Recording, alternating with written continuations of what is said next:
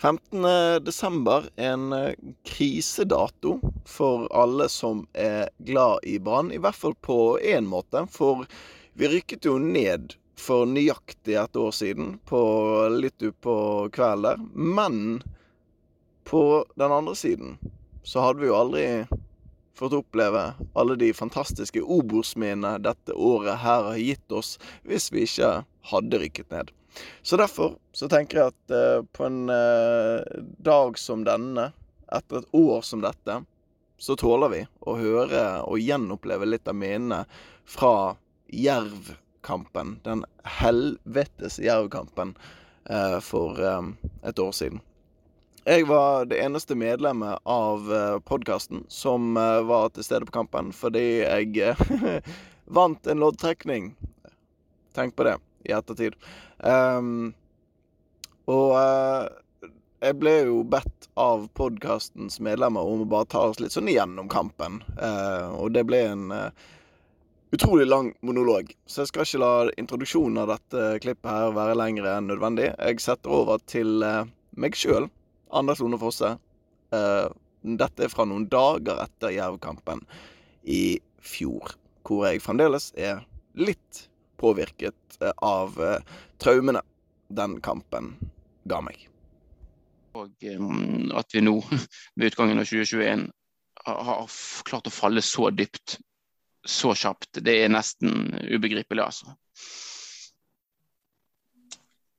Det er, det. det er litt vanskelig å ta inn over seg. Men uh, du uh, var jo på uh, stadion på Intility arena, eller hva de kaller han, Anders. Hvordan, hvordan var det? Har du, har du klart å ta det inn over deg? Vi har hvordan var det? det?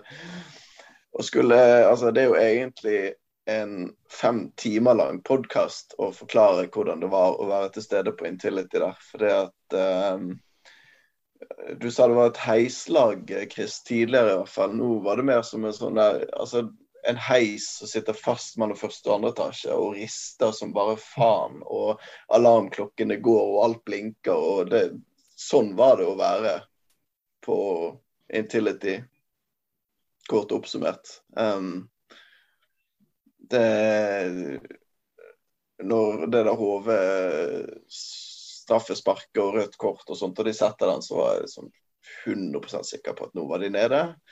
Og så kommer 3-1, og så er jeg helt sikker på at de er nede. Og det, jeg var inne på tanken om å forlate stadion på det tidspunktet, men tenkte at sånn gjør man ikke. Nå er jeg en av de heldige, en av de 400 Heller heldige, jeg vet ikke om vi skal bruke det ordet, men jeg var for en av de 400 som hadde fått lov og var, følte meg på en måte utvalgt til å stå der. Og da var det jo fullstendig aktuelt å gå.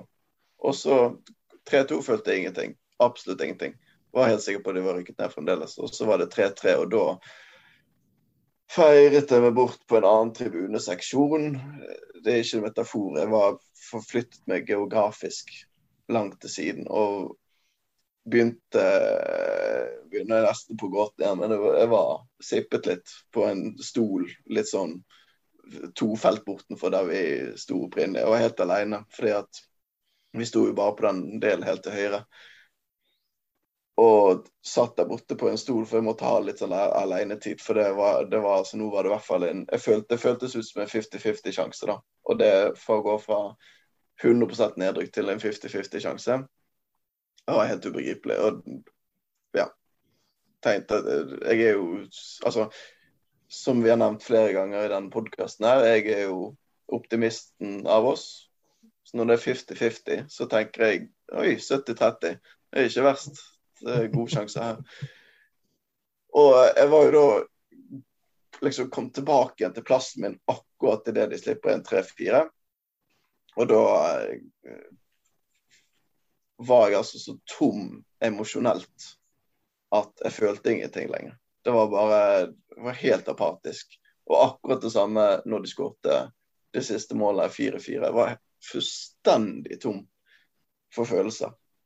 Satt der, hadde ikke det var, det var, ikke noe som helst glede, nesten. For det at det, Eller hvis jeg, hvis jeg hadde én følelse, så var jeg litt sint og provosert over at eh, voksne mennesker, 22 voksne mennesker pluss tre dommere, som for så vidt ikke gjorde noe feil, de, men i hvert fall de voksne menneskene som var ute på fotballbanen der, at de tillater seg å påføre eh, sånne ja, jeg kalte det på Twitter for et emosjonelt overgrep. Det,